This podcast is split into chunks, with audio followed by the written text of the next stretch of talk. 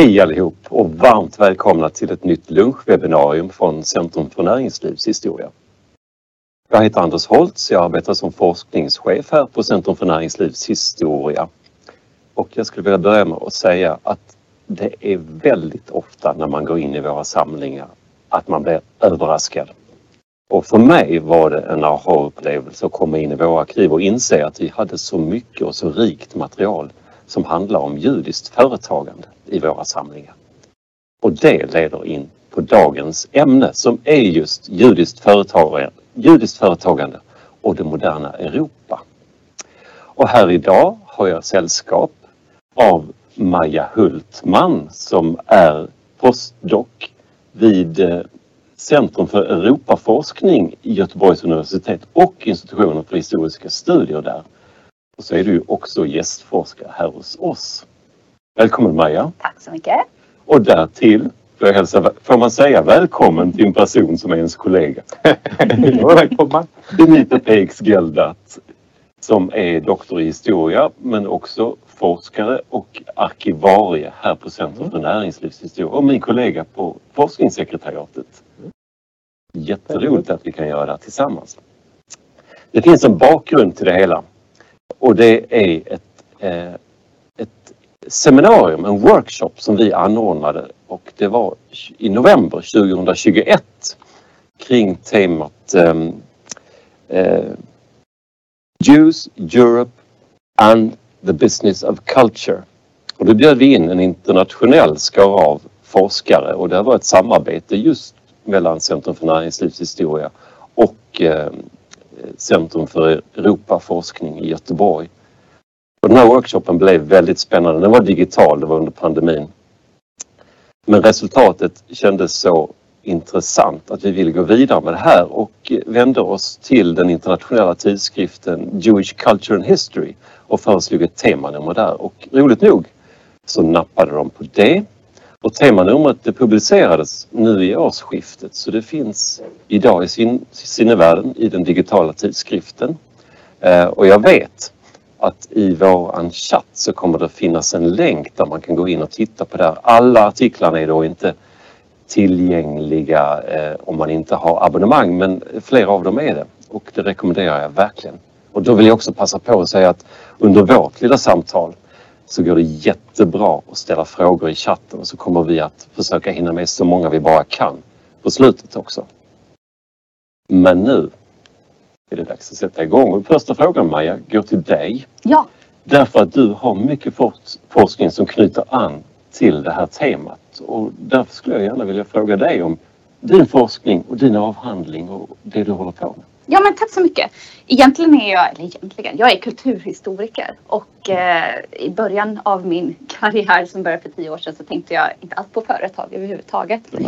Eh, vilket är lite spännande men eh, i mitt arbete där jag har tittat på urbana etableringsmönster kring Stockholms judar under den moderna tidsperioden eh, så insåg jag att företagsarkiven var väldigt eh, användbara för att kunna svara på de frågor som man ställer inom kulturstudier, vilket är hur såg ett vardagsliv ut? Hur definierar man judiskt liv? Hur praktiserar man det? Och så vidare. Ehm, så det var faktiskt du Benito som, som lyckades få in mig och titta på Jakob Ettlingers arkiv som finns på Riksarkivet också, Hollanderbolagets arkiv mm. som också finns där. Ehm, som jag använt mycket och fortfarande använder mig av då i, mitt, eh, i de undersökningar jag håller på med nu. Ja. Och det jag fokuserar på nu är just Hollanderbolagen eh, och jag försöker hitta kopplingar mellan transnationella nätverk som de etablerade i sitt företag och hur det kan kopplas ihop med det lokala församlingslivet i Stockholm. Då. Ah, just det, så intressant. Så det är företagande och det är församlingsliv och socialt liv och, och näringsliv i en... Ja precis, precis. Jag tror så här i början så var jag så här, jag är bara intresserad av liksom vardagslivet för mig och sen insåg jag gud, företaget är en så stor del av just vardagslivet och att mm. det blir en mer eh, ett sätt att få, få ihop hela, hela det judiska livet helt enkelt. Ja, precis. Mm. Ja, det är ju där näringslivshistoria blir så intressant. Ja. Då förstår jag ju din ingång. Mm. Men Benito, din forskning mm. tidigare har ju rört sig om egentligen andra frågor. Hur kom du in på det här med judiskt företagande? Jo, det kan man säga att det var lite av en slump också. För jag är både forskare och arkivarie. Ja. Ehm, och sen var det en förfrågan på Riksarkivet om eh, att ja, man behövde hjälp just för att eh, ordna teckna just ett företagsarkiv som heter då AB Baltiska kompaniets, eh, Kompaniets arkiv. Och det var eh, Fritz Hollander som hette den. Så kom jag dit och det första jag hittar är eh, sex stora väskor som hade öppnats. Eh, med material som var ungefär ja, 30 36 filmmeter tror jag det var. Det var 2016 det här och eh, det var spännande att se att i de här väskorna fanns tillsammans material från företaget men också personligt material och material från judiska församlingen eller från ja, lite sionistiska rörelsen där han var väldigt inblandad. Så jag var ganska fascinerad just av den här helhetskopplingen eh, um, kopplingen som fanns där. Så att säga. Det är allt, det är en och samma person ändå som är företagaren här Mm, mm. som agerar i olika arenor. Mm. Och där fanns det väldigt tydligt det här. Så jag blev intresserad. Sen var jag och presenterade någonting i, i Sundsvall tror jag 2017. Det var jag träffade. Ja. Historikermötet. Mm. Ja, va? Just det. och där eh, jag hamnade på en, en så här eh, session där du var där. Mm. Och eh, då började vi prata efteråt. Ja. Och då, ja, då började vi ja, utveckla och tänka. Kan man göra någonting med Hollander-arkivet som grund och Mm. Jakob Ettlinger och sånt där. Ja. Så det var egentligen den här Så det är den vägen. Och sen, och sen har det ju förgrenats och så har vi ju bjudit in andra forskare i det här och, och resultatet blir ju i, ja, i det här sta- stadiet ett temanummer där vi är redaktörer tillsammans. Mm, mm. Eh, Och nu när det finns ett temanummer så kan man ju ställa sig frågan varför behövs ett sådant? Ja. Vad, vad skulle ni säga? Det är skönt Ja. att ställa de här frågorna så vi Ja. slipper besvara dem själv. Vad säger du? Ja, varför behövs det? Alltså jag, jag tänker Ja. att lite som jag pratade om tidigare att Mm. liksom m- m- som kulturhistoriker så är ju verkligen min ingång att förstå det judiska livet som, som ett, ja, men, ett sätt att komma åt alla de olika aspekterna i vad det innebär och innebar att vara judisk helt enkelt. Mm. Där jag i min tidigare forskning har tittat på religion, eh, olika sätt man praktiserat det genom synagogan eller mikve eller vad man har ätit. Men här blev det liksom ytterligare en dimension till det helt enkelt. Där jag tycker också att eh, där företaget spelar en väldigt stor roll helt enkelt i det judiska livet. Jag tycker också det återspeglar lite grann att eh, den tanken att eh, den tid då man hade väldigt, väldigt vattentäta skott mellan olika discipliner är, Mm. är, är Mm. förbi egentligen Mm. i forskningen. Mm. För att vi har um, det berikar varandra äh, fält, Mm. eh, forskningsfält om man Mm. ja, kopplar ihop till exempel i det här fallet kult, kulturstudier Mm. av visslas med just det som i vårt fall är business history eller Ja. näringslivshistoria. Ja. Så det finns väldigt mycket ehm, i gränssnittet mellan dessa fält som Ja. är användbart och som leder till nya insikter. Företagande är ju i själva verket också Mm. en form av kulturutövande. Ja. Ska man ju säga, I en viss bestämd bemärkelse. Ja men precis. precis. Och vi har ju pratat lite om det också, skillnaden Mm. mellan att titta på ett företag eller titta på själva företagandet. Ja. Och när vi väljer att titta på företagandet då tittar vi på en aktivitet såklart. Det är något som någon gör Ja. dagligen och är med och liksom bygger upp och bidrar till. Jag kommer in på någonting intressant. Mm. För kan, man, kan man då tala om judiska företag? Finns det Mm. något sådant som ett judiskt företag? Eller borde vi kanske prata Mm. om judiskt företagande? Mm. Vad säger Om ni du? Jo, det, det, det är en intressant fråga men jag tänker så här att eh, ett, ett företag är en juridisk person. Ja. Och juridisk person är eh, varken judiskt eller något. Det är bara juridisk person i det land där det är registrerat. Ja. Punkt. Så de Mm. är alla likadana. Så egentligen ett företag eh, i sig har inte det. Men det finns ba- bakom varje företag finns det människor. Och det är just de här människorna Mm. som har också en identitet, Mm. som har Mm. en, ja, ett liv utanför att det företaget och deras företagande är en del av. Så det är därför intressantare kanske att tänka utifrån det här. För att om man vänder om det här är det NK till exempel. Ja. Eh, Företag Josef Sak och, Josef Leja. Men det är personer med ja, judisk identitet som startade upp den. Ja. Kan man kalla det för judiskt företag eller inte? Ja. Inte solklart i alla fall. Nej, nej. det är inte det. Nej. Utan det är bara där folk är, är med där. Och, eh, men ändå, det har Mm. forskats en hel del också i, i sådana frågor, identitetsfrågor och hur det påverkas också när det gäller företagande och familjeföretagande är väldigt ofta. Och, och, kanske mer på senare decennier, eller hur? Att identitetsfrågor har, har, har lyfts. K- Skulle man kunna säga att det har funnits en sorts, nu kommer vi in på svåra frågor, men har det funnits en sorts beröringsskräck när det gäller detta för att liksom inte ge vatten på kvarn åt fördomar och så vidare? Tror ni det? Det tror jag absolut. Alltså dels så finns Mm. det ju de antisemitiska fördomarna eh, där, där juden oftast porträtteras som någon som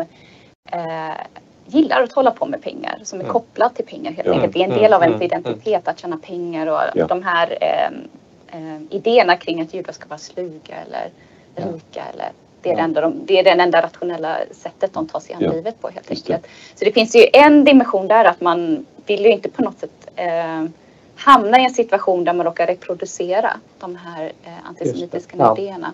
Och sen finns det också att eh, om man går in på judisk historiografi, alltså hur Mm. judisk historia har skrivits. Så innan andra Ja. världskriget då fanns ju de här idéerna kring ras och rasbiologi Mm. och det var ju Mm. något som judiska eh, forskare också tog sig an och använde för att utforska just sin judiska historia på. Mm. Ja. Och då är ju frågan efter andra världskriget när förintelsen har hänt och man ser vad, vad rasbiologin liksom vad som händer när man följer den ut till sitt yttersta syfte. Hur ska man då kunna Mm. fortsätta på den här judiska eh, historieskrivningen utifrån ett rasperspektiv, vilket man såklart inte kunde Nej. eh, och man såklart fortfarande inte kan göra. Och då Nej. blev det ett stort glapp där helt enkelt. Man inte vågade Ja. ta sig an de här frågorna kring judar och ekonomi tillsammans helt enkelt. Intressant. Och på det viset så har ju inte heller det eh, stora liksom, samhällstillskottet och bidraget i samhällsbyggandet som det här företagandet har innebär, Mm. burit, eh, uppdagats egentligen. Ja, eh, absolut. Så att eh, samtidigt måste jag säga att eh, på senare tid och nu rör vi oss tiden 90-talet och, Mm. och sekelskiftet, millennieskiftet och efteråt. Så det har också funnits, inte minst i USA till exempel, en hel del studier också som tar upp den här frågan för att det är viktigt att ha det eh, ett annat perspektiv. Så att Ja. säga, inte bara det är essentialist perspektiv och då kan det vara problematiskt ibland med den här identiteten och man kopplar till etniska frågor och etnisk identitet och det här. Men det har inom business history också eh, gjorts en hel del forskning kring, kring etnisk identitet av olika slags och identitetsfrågor och kopplande till, till företagande i sig. Så egentligen det är inte, men just det här kan vara något som, som du säger, som fanns där i luften. Ja. Ja, Ja. precis. Och som, som eh, nutida historiker behöver ta tag i hela tiden när man tittar på frågor kring judar och ekonomi helt enkelt. Ja. Liksom, vi har den Ja. antisemitiska Ja. bilden kring det vi, Mm. och hur kommer vi förbi den helt enkelt. Och ett sätt, precis som du säger, är att Mm. inte gå till essentialism där Ja. judar håller på med pengar, punkt slut. Ja. Liksom, att Mm. det skulle vara idén man utgår från. Utan tanken är att kontextualisera hela tiden det judiska företagandet och det judiska företaget. Eh, där Ja. man är en del, företaget är hela tiden en del av en social ekonomisk process Ja, såklart. ja. Eh, och utvecklas i takt med den. Som till exempel klädindustrin som ibland ses som väldigt en judisk industri, eh, speciellt i USA. Men att det hände ju för att de anlände som migranter under en tid då den här moderna industrin exploderade. Och de kom de in i den industrin och började jobba där och på det sättet. Jo, men sen ser du ju också, väl, tycker jag, väldigt tydligt hur i Sverige till exempel, om, Mm. man, om man tänker efter hur väldigt snabbt väldigt många företagare av, um, i storhandeln Mm. och eh, även industrin och eh, finans så har en judisk identitet, bakgrunden, men hur de agerar och interagerar med i- icke-judiska Mm. företagare eh, på samma villkor och i samma marknader. Det ser man väldigt tydligt. Jag ser det också i samband med annan forskning som jag bedriver just kring den här perioden, kring sekelskiftet och hur man ser olika nätverks eh, eh, formas och i det sammanhanget är det, är det väldigt intressant att se också hur det säga, judiska företagare eh, agerar i, som samhällsbyggare och bygger upp det moderna Sverige. Ja, som vi har. precis. Så att det är också det som vissa kopplingar finns Ja. där. Och, Ja. och de är, tycker jag det, det var väldigt spännande för, Mm. för att, att komma in på det och se. Och det här var ju någonting vi ville Mm. artikulera just genom temanumret. Mm. De här aspekterna definitivt. Sen hade vi den här ambitionen också att, att eh, brygga över forskningsfält. Benito, du var inne på det lite grann tidigare också. Just att, att se hur vi kan liksom gifta samman judiska studier Mm. och företags näringslivshistoria och, och, och där det ju finns en sorts cultural turn som de säger på engelska Mm. inom de ekonomiska studierna idag och eh, nästan skulle man kanske kunna tala om en sorts eh, ehm, Economic. economic turn då kanske ja. inom judiska studier. Och i alla fall är det någonting vi gärna skulle vilja se och, och att de här två liksom då kan innebära att det finns ett fält ett tvärvetenskapligt fält någonstans i den där gränszonen som är fruktbart. Jag tror, det, jag tror det finns mycket som det, det fältet kring judiska historier. Jag tror det är mycket vi kan lära oss av, Mm. av just businesshistoria. Hur man har, har konceptualiserat företaget och hur företaget och människorna som driver företaget, hur man hanterar olika typer av, av situationer. Eh, som jag tror verkligen kan, kan utveckla Jo. hur man ser på judiska företag. Och, och, Ja. Ja, men också inom business history så kan man säga lite traditionellt har man fokuserat väldigt ofta på de stora företagen Mm. Som har varit viktiga Ja, ja. aktörer det här. Det. Och, eh, men det finns också en hel del eh, mindre företag. Eh, inte minst familjeföretag som är, Mm. som är små företag men Ja. som bygger just på ehm, familjenätverket och just Mm. precis på den identitet hos de personerna som har Mm.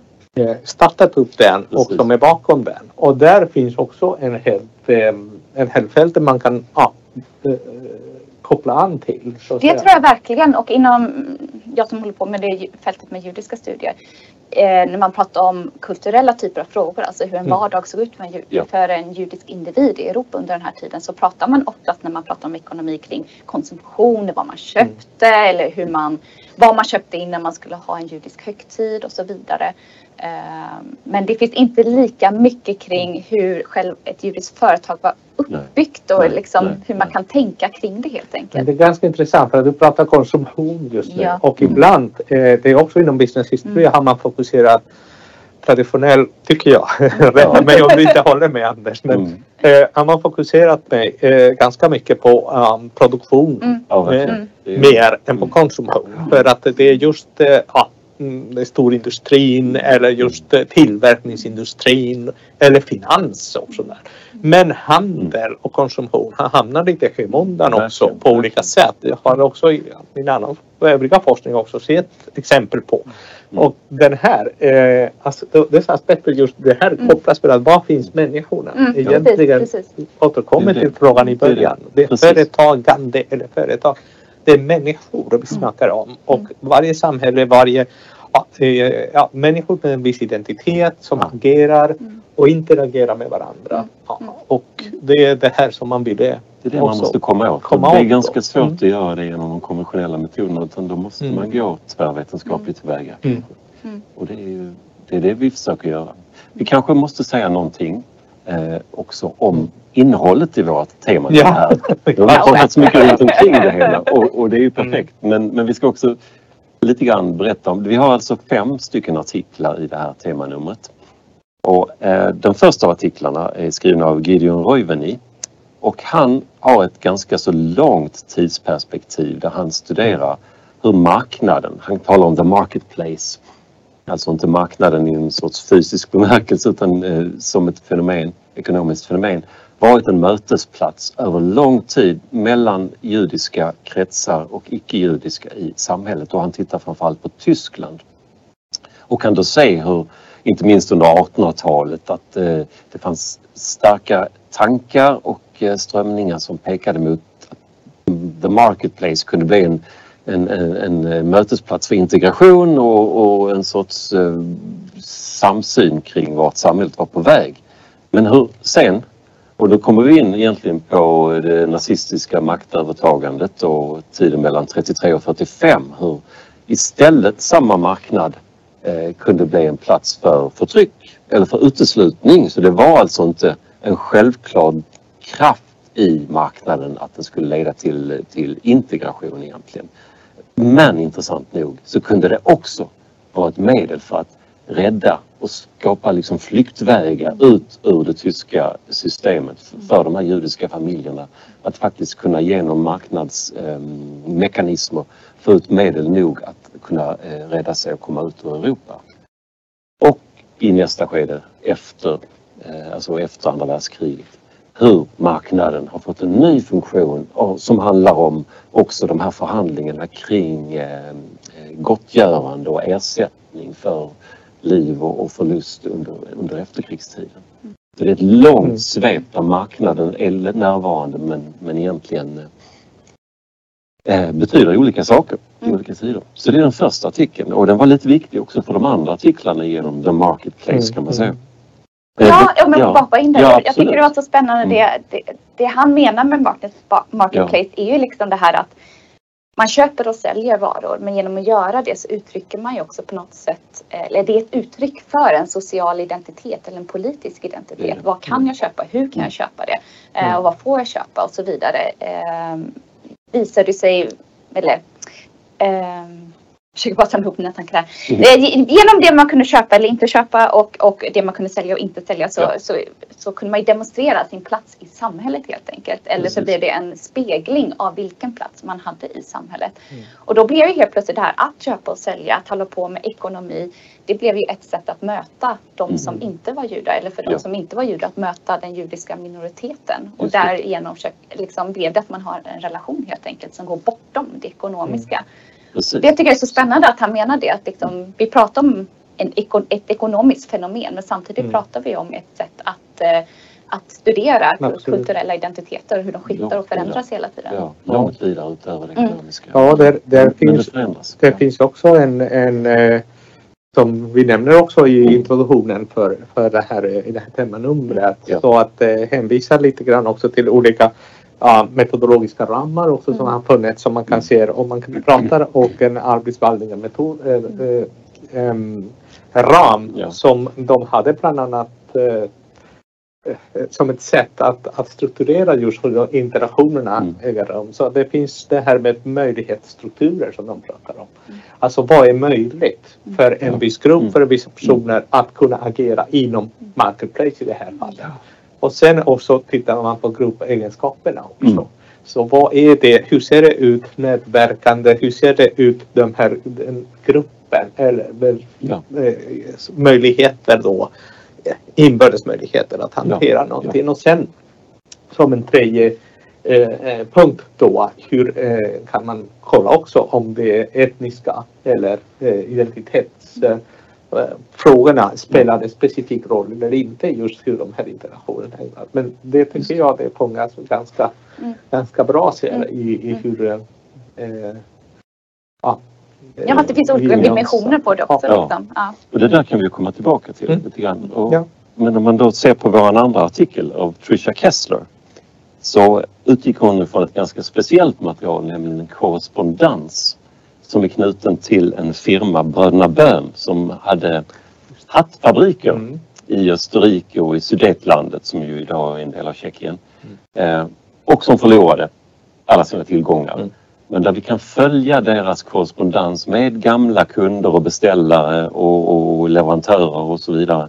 Eh, och, och, kampen för att på något vis hävda rätten till både varumärke och, och till resurser och I deras fall så handlade det om ett överlevande därför att de var tvungna att ta sig ut ur Europa och, och ja, mm. skrapa ihop till biljetten mer eller mindre. Så det, det, det, är väldigt rörande skildringar som kommer fram i det här men också stora eh, tydliga exempel på hur just företagande och sociala relationer och vänskapsband på något vis samspelar i det här och lojalitet gentemot de här personerna, alltså bröderna Böhm från deras motparter trots det mm. nazistiska systemet som de då eh, hanterar, försökte hantera.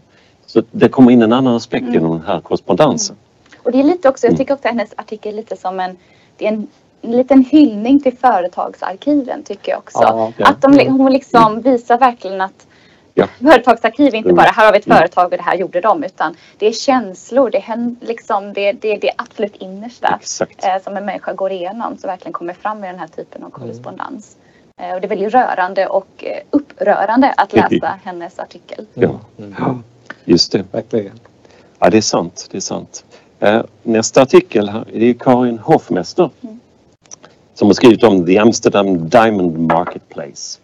Och hon har också det där riktigt långa tidsperspektivet. Hon börjar i slutet på 1500-talet och ända in i 1900-talet.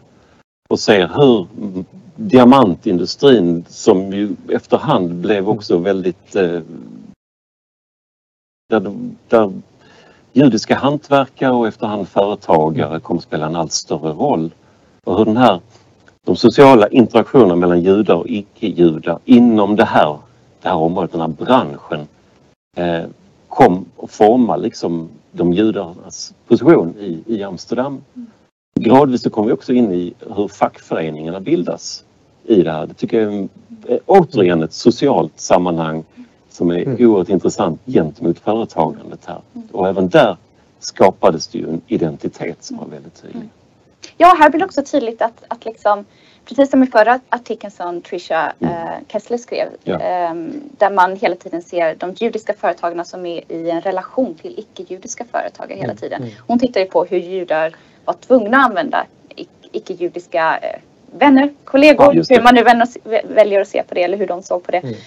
eh, för att överleva. Och i den här artikeln så, så visar ju Karin Hoffmeister också hur, hur nära relation de var med varandra hela tiden. Ja. Att i början fick judarna liksom jobba i icke-judarnas verkstäder, var liksom, vilket oftast var en hemmamiljö Ja. när de kom hem till dem och jobbade där. Och sen precis som du säger att den här platsen utvecklas också som, en, som ett, ett, ett, en, en fysisk plats där judar och icke-judar helt enkelt försökte förstå sin relation Ja. till varandra.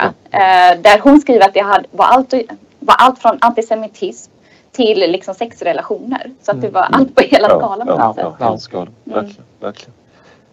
Eh, Den fjärde Mm. artikeln, Laura Ekholms.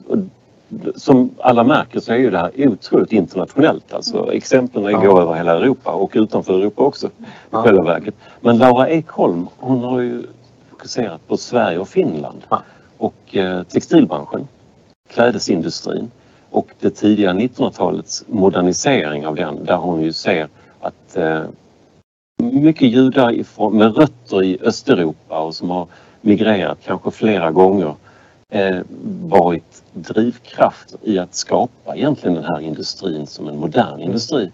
Och då speglar hon det också genom de här banden som finns, de sociala banden, relationerna mellan och ofta över nationsgränser Mm.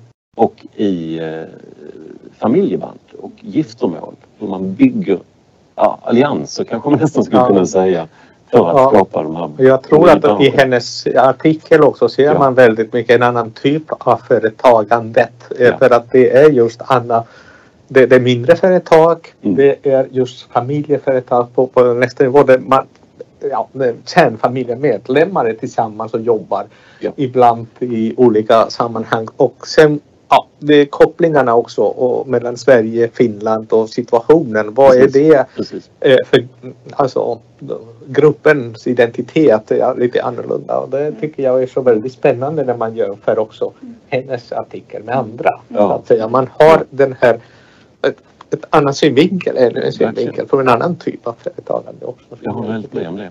Mm. Och hon menar ju också att det här är aspekten, alltså det här inflytandet och de judiska företagarnas Mm. roll Just har man inte riktigt vågat eh, tala om tidigare.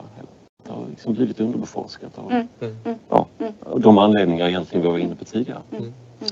Den sista artikeln är Angelina Palméns. Mm. Mm, återigen ett jättespännande material utifrån ett av Berlins stora varuhus, eh, Kaufhaus en Israel som det hette. Och, och deras kommersiella material, hur de arbetar med reklam. Och, eh, och där ser man ju, ja det finns ett just kommersiellt budskap. Men besläktat med det budskapet finns det också budskap som handlar om judisk identitet, alltså en, en etnicitet men också en kulturell identitet. Och bilden av den nya kvinnan, alltså kvinnorörelsens framväxt under 1800-talets slut och 1900-talets början. och man eh, ska vi säga, gestaltar den nya kvinnan eh, och det moderna judiska i det här kommersiella materialet. Ja, jag tycker hon visar väldigt tydligt att eh, jag kan bara utgå från mig själv, men ibland är det väldigt enkelt att prata om judiskt företagande så Ja. ser man det liksom som de, de håller på själva där liksom med olika judiska kollegor. Och, liksom, men Ja. det hon visar är ju att det judiska företaget eh, Speciellt i Europa där man har varit en minoritet i över 2000 år. Att liksom man finns alltid i relation till det större icke-judiska samhället. Och man är alltid i en relation med det helt enkelt. Och är med tillsammans. Och formar nya politiska rörelser som Nya Kvinnan. Ja. Liksom. Ja, det här är inte någon etnisk Nej, precis. Och sen genusaspekterna här Mm. också som jag tycker är, är intressant också som fram, kommer fram ibland, inte bara i hennes men också i hennes specifikt men i andra Ja, av de här artiklarna Ja. finns det väldigt intressanta frågor och eh, jag tror det var Laura Ekholm också som nämnde eh, att eh, ja hur egentligen också kvinnorna har varit osynliga oftast Mm. trots Mm. Mm. att de har varit huvudaktörer på den lilla företagsnivå Ja. de har varit och det har inte just nu kommit fram till. Så det, det är också Ja, jag tänker att fokuset på just företagandet och inte företaget hjälper oss Mm. som forskare Mm. eh, att faktiskt hitta kvinnorna i det Mm. som, som en Mm. del av det. Mm. Eh, för då, då är vi intresserade av aktiviteten eller praktiken av det och då behöver vi hitta de människorna som var en del av företaget. Mm. Eh, det hjälper ju till. Precis. Det här, Mm. det här bottom up eller nedifrån Ja. upp perspektivet. just det, ja, underifrån. Ja. Ja. Om vi då tittar på de här fem artiklarna, kan man hitta några gemensamma nämnare tycker ni? Lämnar jag åt de svåra frågorna till. ja, ja. Mm. Skönt, skönt, skönt. Nej, vad ska vi säga? Ja. ja, eh, alltså jag tycker att det är väldigt eh, gemensamt det som vi var inne på lite grann och det är interaktionen just Ja. på olika nivåer och eh, Mm. Mm. samtidigt hur ehm, miljön och omständigheterna påverkar det här. Eh, hur man agerar då Mm. också Mm.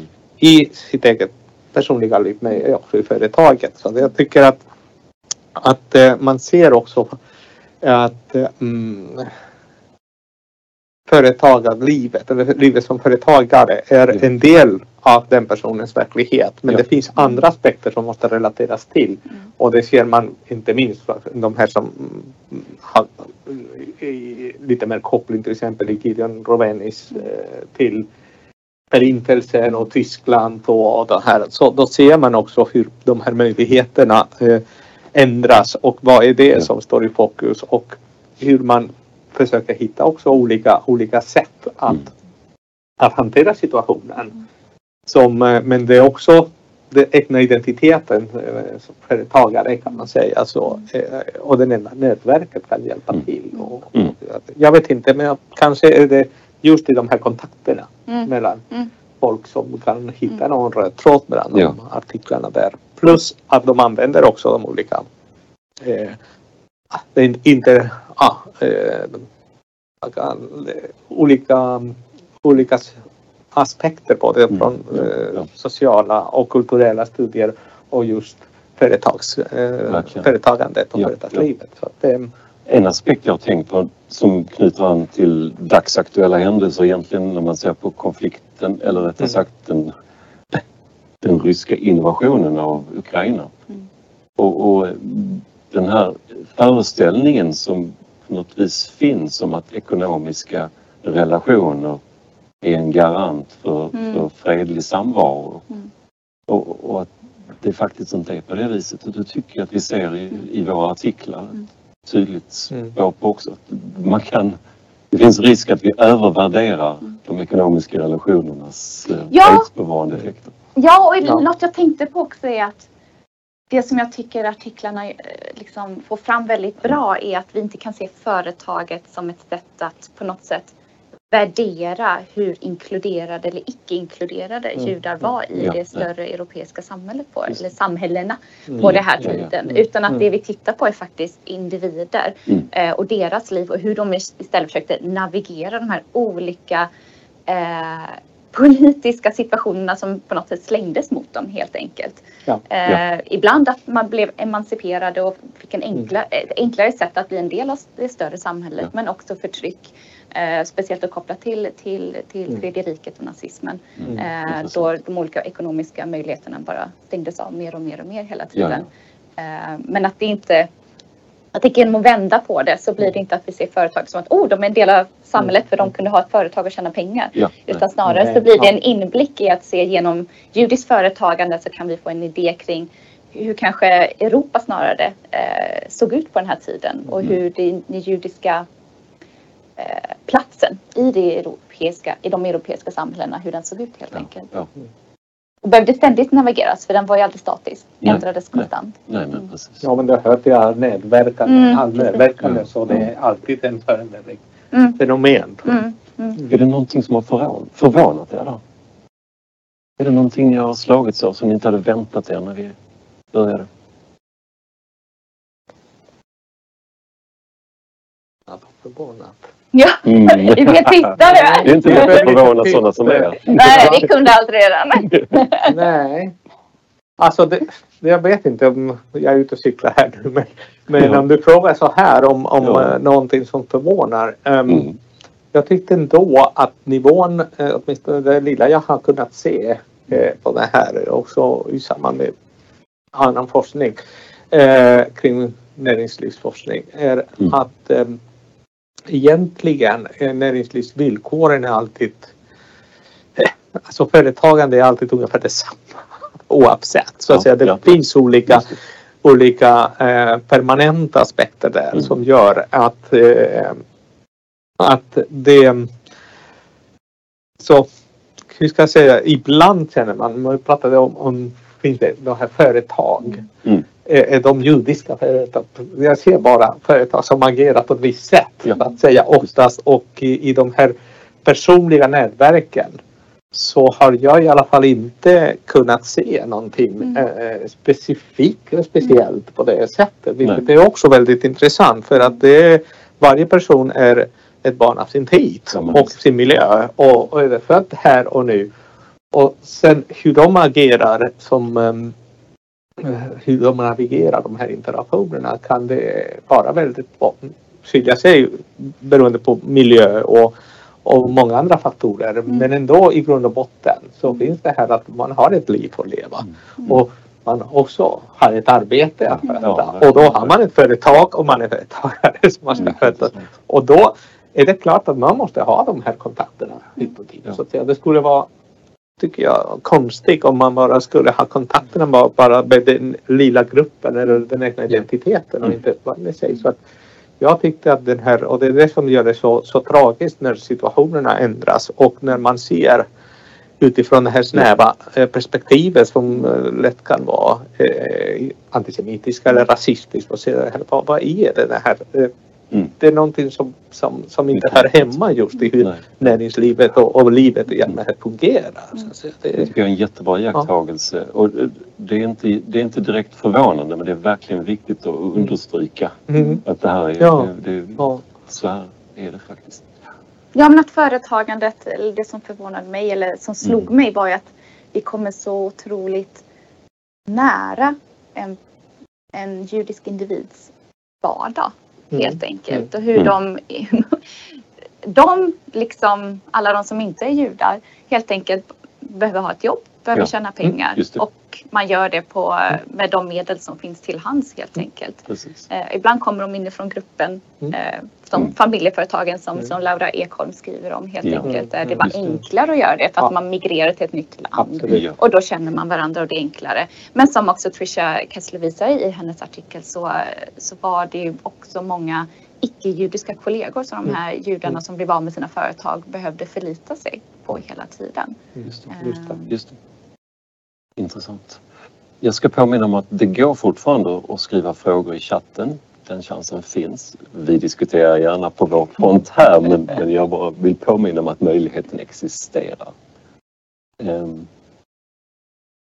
Ja, men det här är ju jätteintressanta frågor som ni lyfter nu och det, det blir ju tydligt när vi läser temanumret. Mm. Definitivt. Finns det någonting annat ni skulle vilja lyfta i den aspekten? För sen skulle jag gärna vilja att vi pratar något lite grann också om vad det kan finnas för källor till de här Mm. frågorna. mm, Men har, har ni någonting mer som vi ska, innan vi går in på det där? Nej, jag tycker käll, käll, det källfrågan är jättespännande. Men Benito, då får jag fråga dig framför allt. Liksom, Ja. vad, vad, vad finns det då för källor till judiskt företagande om vi tittar på Centrum för näringslivshistoria? Ja, ehm, jag tycker att det finns väldigt, väldigt mycket material. Ja. Just nu har det skrivits en bok som jag har här. Ja. Inte av mig, utan av Karl-Henrik Karlsson. som är källorna till, källorna till judisk historia i Sverige. Och det finns också ett kapitel där som handlar om personarkiv och företagsarkiv. Eh, ja, så han var lite också i kontakt med, med mig om, om det här och frågorna om våra arkiv här. Och det finns några som är listade här. Ja. Eh, det är klart, vi har många arkiv som är eh, mm, kopplade till kända personer med en ja, judisk identitet som till exempel Bonnierarkivet. Vi har både Bonniers eh, person, alltså familjearkiv, vi har Bonniers eh, förlagsarkiv, vi Ja. har, eh, vi nämnde förut NK som ett företag också här med Josef Leja och, och Josef Sachs. Och, ehm, vi har en del material också om andra, till exempel Gebers och annat förlagsmaterial. Ja. Ja, men, och sen individer. Vi har en del om Eddie Hexer till exempel inom ramen för ehm, eh, Handelshögskolans arkiv Mm. som finns en delar av här i huset.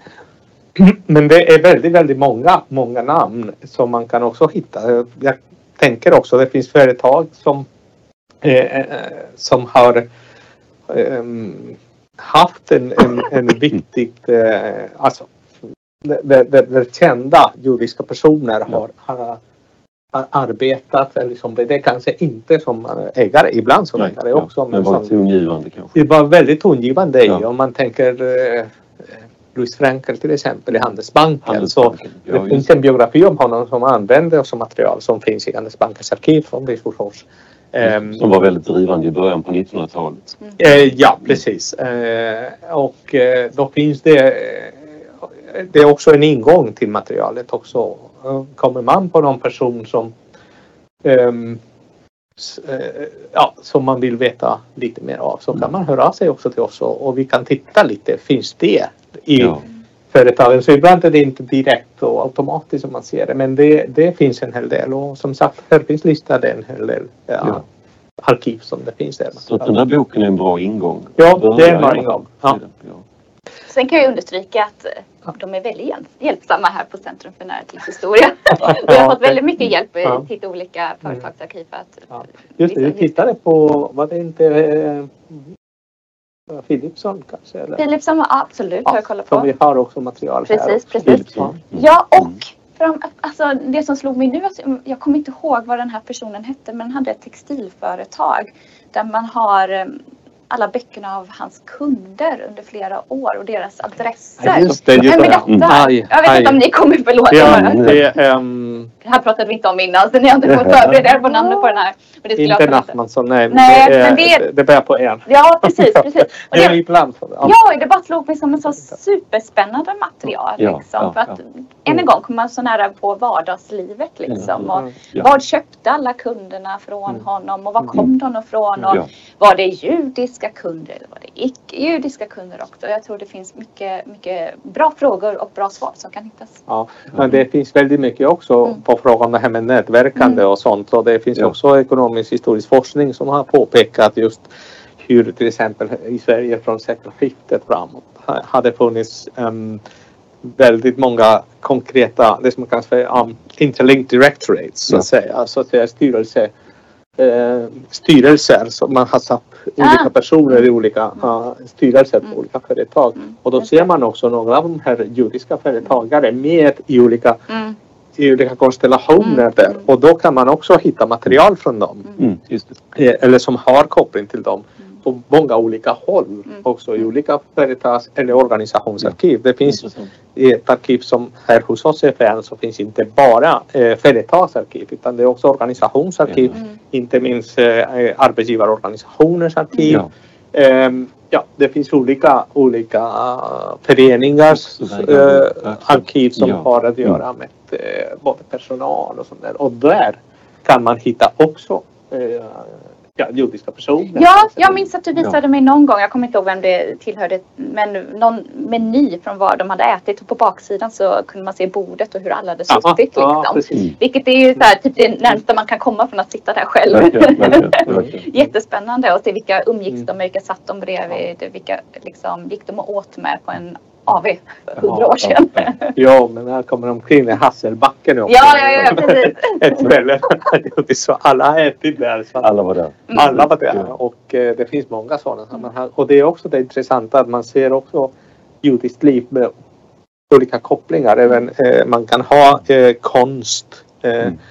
Ehm, eller folk, om man, jag tänker Isak, Grunewald, eller man kan tänka på andra personer som eh, till eller som Ja, mecenater. som- Eh, Ja, som är mecenat som har material men också- men också är företagare på olika sätt Ja. eller har kopplingar till olika företag. Då, så att säga. Men för att göra det här så måste man ju ha ingångar i arkiven och man Mm. måste få hjälp helt enkelt också och, och navigera rätt. För det, Ja. då, då är det, räcker det inte att titta på förteckningar över företag och Nej. fundera kring just vad som är judiskt företag. Ja. Utan det här är att gå liksom in bak Ja. på tvären i alla Och fall. sen- och då gäller det ju att anlita vår personal verkligen också. Mm. Men sen när man tänker arkiv då, eh, det är också viktigt att säga att arkiv funkar inte precis som bibliotek ibland som man bara har samlingar enligt viss Ja. ämne. Utan det är vems handlingar det är. Ja, Det är proveniensprincipen som är viktig. Och därför kan man tänka sig, jag vill veta någonting om det här personen eller det här företaget. Det här, så här, vems, hos vems handlingar kan jag hitta Mm. material? Och då kan man börja därifrån Ja. och så dra eh, och, och Precis, hitta precis. lättare. Då. Men, Ett pusslande. ja, Pussland. det är det. Men det är ju det forskning är. Ja. också. Verkligen. Nu har vi några frågor på gång här. En internationell fråga om internationella kopplingar. Eh, De studier ni nämner förefaller ha en tyngdpunkt på företagen i Norden samt Väst och Centraleuropa med viss utblick mot Nordamerika. Finns det studier gjorda avseende interaktioner mot Östeuropa, i realiteten ryska imperiet, eller möjligen östra medelhavsområdet före första världskriget? Jag vet att det finns en bok eh, eh som handlar om, om, eh, om företagandet kring etrogen. Alltså den citrusfrukten man använder under sukkot, lövhyddohögtiden. Ja, ja. Eh, som verkligen tar in hela medelhavsområdet och eh, hur, hur produceras den, vilka producerar den, vilka, vilka skeppar den dit och dit och Mm. vilka köpte den, hur användes den sen också, hur konsumerades den helt, helt enkelt. Ja. Så det skulle kunna vara en, en bra läsning till det också. Och sen är det ju det är lite USA-dominerat de här typerna av frågorna för att Ja. det finns många studier som tittar just på östeuropeiska Mm. judiska invandrare, alltså som kommer från Östeuropa Mm. Ja. till USA och hur Mm. de sen använder kunskap från det de har arbetat med i sitt gamla hemland och sen bygger upp nya typer av företag i, i USA helt Mm. enkelt. Så att om man vill titta på migranter så kan det vara en intressant sätt. Ja, och Ja. sen alltså ibland här eh, i temanumret så Ja. har man hamnat bara några artiklar det här men i seminariet som vi hade Just. Ja. så det dök upp också lite också andra frågor och Mm. andra forskare som eh, också har sysslat till exempel med Ryssland Mm. eller Ja, med ja, Östeuropa eller eh, ja, jag tror mig minnas också Turkiet och Ja, det var. Turkiet. Mm. området. Ja. Så det finns absolut eh, Mm. intresse. Det är bara att hitta det. Så. Ja. det, det är Det är bra att jättemycket. du påminner om det. Det Mm. var ju faktiskt flera forskare som flera forskare som var med i workshopen, ja. och jag tror det är, nu ska vi se om jag får hennes namn rätt, jag tror inte, hon heter Hanna Kosinka Watt och hon Mm. tittar på, hon, hon håller i Mm. ett stort, eh, ett stort eh, forskningsprojekt kring judiskt företagande i den polsk-litauiska eh, kungadömet Ja, helt enkelt. Eh, som jag tror går tillbaka till 13, titta från 13-1400-talet och framåt till 1800-talet. Eh, och de ska börja publicera nu sina resultat också. Ja. Så det är mycket som händer i, i liksom det här fältet också. Så vi kan förvänta oss mer litteratur som också täcker in de här områdena. Mm, precis. För det är ju helt centralt också naturligtvis Mm. att få in det östeuropeiska och, och det ryska. Absolut, absolut. Ehm, vi börjar närma oss slutet tyvärr. Men jag har en fråga som just pekar lite framåt mot framtiden. Eh, om släkt och religion öppnade för ekonomiska handelsmöjligheter förr, skulle ni då säga att den gränsöverskridande funktionen idag ersätts av internet? Har en fråga kommit här. Intressant. internet eh, gör saker och ting lättare förstås. Men det kanske inte är eh, sättet. Men ja, jag tror inte det sätter den här. Nej. För att eh, ja, är det samma att vara med i ett nätverk som är bara ja, friends på Facebook eller vad det än är. Än att, att det, det, i, i, i, i, det verkliga livet. Och hur det fungerar också inom näringslivet. Det, eh, Kan det inte till och med stärka, alltså att Ja. internet blir en länk som stärker Ja. då släktbandens funktion och vikt? ja, med? det kan användas. Så det är egentligen det är ett ja, medel, hur man använder den. Men det, det stämmer. Ja, jag tror man ska, man ska se internet som ett, en, en virtuell förlängning av det Mm. Mm. vanliga Mm. sociala livet. Det är helt enkelt en till plattform att vara på snarare än ja. en ny plattform som är helt bortkopplad från resten av ens, av ens liv eller företagsmöjligheter. Helt enkelt. Mm. Mm. Ehm, så ja, jag skulle också se det som att, att det, är- det var en ny dimension som öppnats upp snarare än att, att vi pratar om att det är ett nytt sätt att företaga på kanske. Ja. Ja, hörni, en, en sista fråga från mig. Är, det var, nu har vi pratat om forskning som har utförts Ja. på olika sätt och temanumret förvisso. Och då är ju frågan, vad är det vi vill se för forskning framöver? Vad tycker vi saknas? Vi. Ja, Mm. alltså jag får ju då ehm, prata om min egen forskning Ja, som jag tycker det. känns jätteviktig. Ja, det tycker jag du ska. Ja, nej, men jag tycker just det här, alltså, vi har pratat om, om att för, att företagandet eller det judiska företaget, att titta på den, vad som händer, människorna bakom det. Ja. Det är ett sätt att få en mer holistisk syn på det Mm. judiska livet helt enkelt. Och jag tänker att en förlängning av detta så, så är jag som sagt väldigt intresserad av att titta på hur företagsnätverk kan ha påverkat och influerat det lokala judiska livet. Ja. Så att det är liksom ett lokalt judiskt liv i Stockholm eller Göteborg eller var det nu tog Mm. plats någonstans. Inte, Mm. Man agerade aldrig i någon slags vakuum utan man var alltid i relation till, till andra församlingar i, Mm. i Europa och utanför Europa också. Och då tänker jag, min tes är att företagare måste ha spelat en roll i, Mm. i det här att liksom Mm. Knyta an, få idéer kring hur andra löser olika Ja. typer av, av eh, rituella religiösa frågor och sen ta hem det och Mm. utveckla det eh, med en lokal touch till det helt enkelt. Alltså i Hollander arkivet återkommer vi till. Eh, Mm. Mm. Så är det ett ganska bra exempel på hur de eh, nätverken har varit med både nationellt och internationellt. Mm. För att Mm. det fanns på olika ställen i USA och Israel förstås. Men sen Östeuropa och ja, upp till Japan och sånt där. Och sen han var väldigt aktiv på, i alla möjliga olika sammanhang här. Men Stiftelsen Judaica till Mm. exempel eller ja, skolorna till exempel. Ja. Eller i Stockholm och sånt där. Så att där finns också in i samma Mm. arkiv så finns det mycket. Men det håller du på med nu Mm. så jag är Mm. väldigt glad. Men att eh, just den här sorten så om du tittar från judiska studier som din synvinkel Mm. hur det kan företagen har påverkat den här. Det är väldigt spännande tycker jag. Ja. Och sen tvärtom också så att analysera just tycker jag också hur de här individerna bara om man det finns här lista som den här boken har på, på personer, Ja. individer eh, med en judisk identitet som det finns lite handlingar på. Det Ja. vore intressant också att titta i de andra arkiven, inte våra företagsarkiv. Nej. Vad är det som man kan läsa från de personer som också eh, eh, har ett företag eller har varit i, i det här.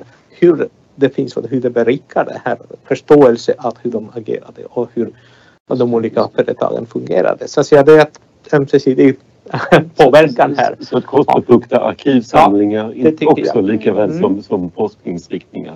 Ja, kanske den här frågan också kring att, att, att liksom, ska vi se om jag kan uttrycka det på sättet jag tänker, men göra det i huvudet. Mm. Nej, men vi pratar ju om om Mm. liksom, judiska nätverk, men var det så annorlunda från icke-judiska Mm. nätverk? Ja. Jag tycker också det är en väldigt viktig fråga. Så Mm. Finns det något unikt i hur eh, judiska kollegor knöt an till varandra eller är det ett, ett, ett mänskligt fenomen? Att vi knyter an till folk som, Ja. som är nära oss eller som vi känner eller som Ja. är familjeband. Mm. Liksom, helt Snarare. enkelt. Snarare det. Precis, jag tänker också det. Så att det inte blir att ja. man... Jag tycker, tänker det är viktigt också att vi inte liksom håller upp den judiska företagen Ja. som att det, det här Något är... speciellt. Nej, eller så här, liksom, klart det är speciellt för att Mm. det är en judisk grupp. Men Nej. de, liksom, de agerar ju som Ja. vilken annan person med vilken annan identitet som helst helt Ja, enkelt. så det finns studier också på eh, precis på det du säger. Eh, också i samband med nationella Mm. identiteter eller sånt. Så det Ja. finns många studier som fokuserar inom företagshistoria också på det här. Mm, menar, Mm. ja. Precis, ibland eh, precis. migranter från en viss land Mm. någon annanstans som har agerat. Ja, och då blir frågan liksom när är den judiska identiteten viktig för företagen? Precis, när ja. är den kanske Helt oviktig? Ja. Eh, Eller man tänker inte på den för att den behövs inte tänkas på helt Nej. enkelt. Nej. Den sortens studier vore Den vill man, den vill man Ja. komma åt. Ja, ja. ja jättespännande verkligen. Ehm, och då, då handlar det också om att faktiskt befolka det här, Mm. eller beforska det här eh, gränssnittet Mm. som vi har pratat om i, mellan Mm. våra respektive fält här, Mm. forskningsfält. Så, Mm. så verkligen hoppas att det kommer eh, eh, efterföljare till Mm. vårt lilla temanummer. Och temanumret, nu börjar jag runda av här. Mm. Temanumret som ju vi har påmint om går att komma åt genom länkarna som finns i våran chatt då alltså. Eh, och eh, det här samtalet kommer att spelas in så att det kommer att eh, eh, gå att gå tillbaka till det för den som är intresserad och gärna sprida det. Jag ska nu säga tusen tack Maja, tusen tack Benito. Tack. Jättespännande Mm, samtal tack. här. Och tack för ett sånt himla roligt samarbete vi har haft med det här Ja. temanumret och workshopen och allt. Ja, sex år har väl på nu, Benito. Ja, det, är, så sen många. 2017. Det stämmer. det är Ja. skrämmande. Men så är det. Ja, Vi var bebisar, nu är vi vuxna. Ja, eller hur? Eller jag. Jo. ja just det. Tala för dig själv. Ja. Och ehm, tusen tack till alla som har ehm, tittat och lyssnat idag. Håll ögonen öppna efter framtida event hos oss. Andra kommande webbinarier kommer längre fram. Så tusen tack för idag. Tack. Tack.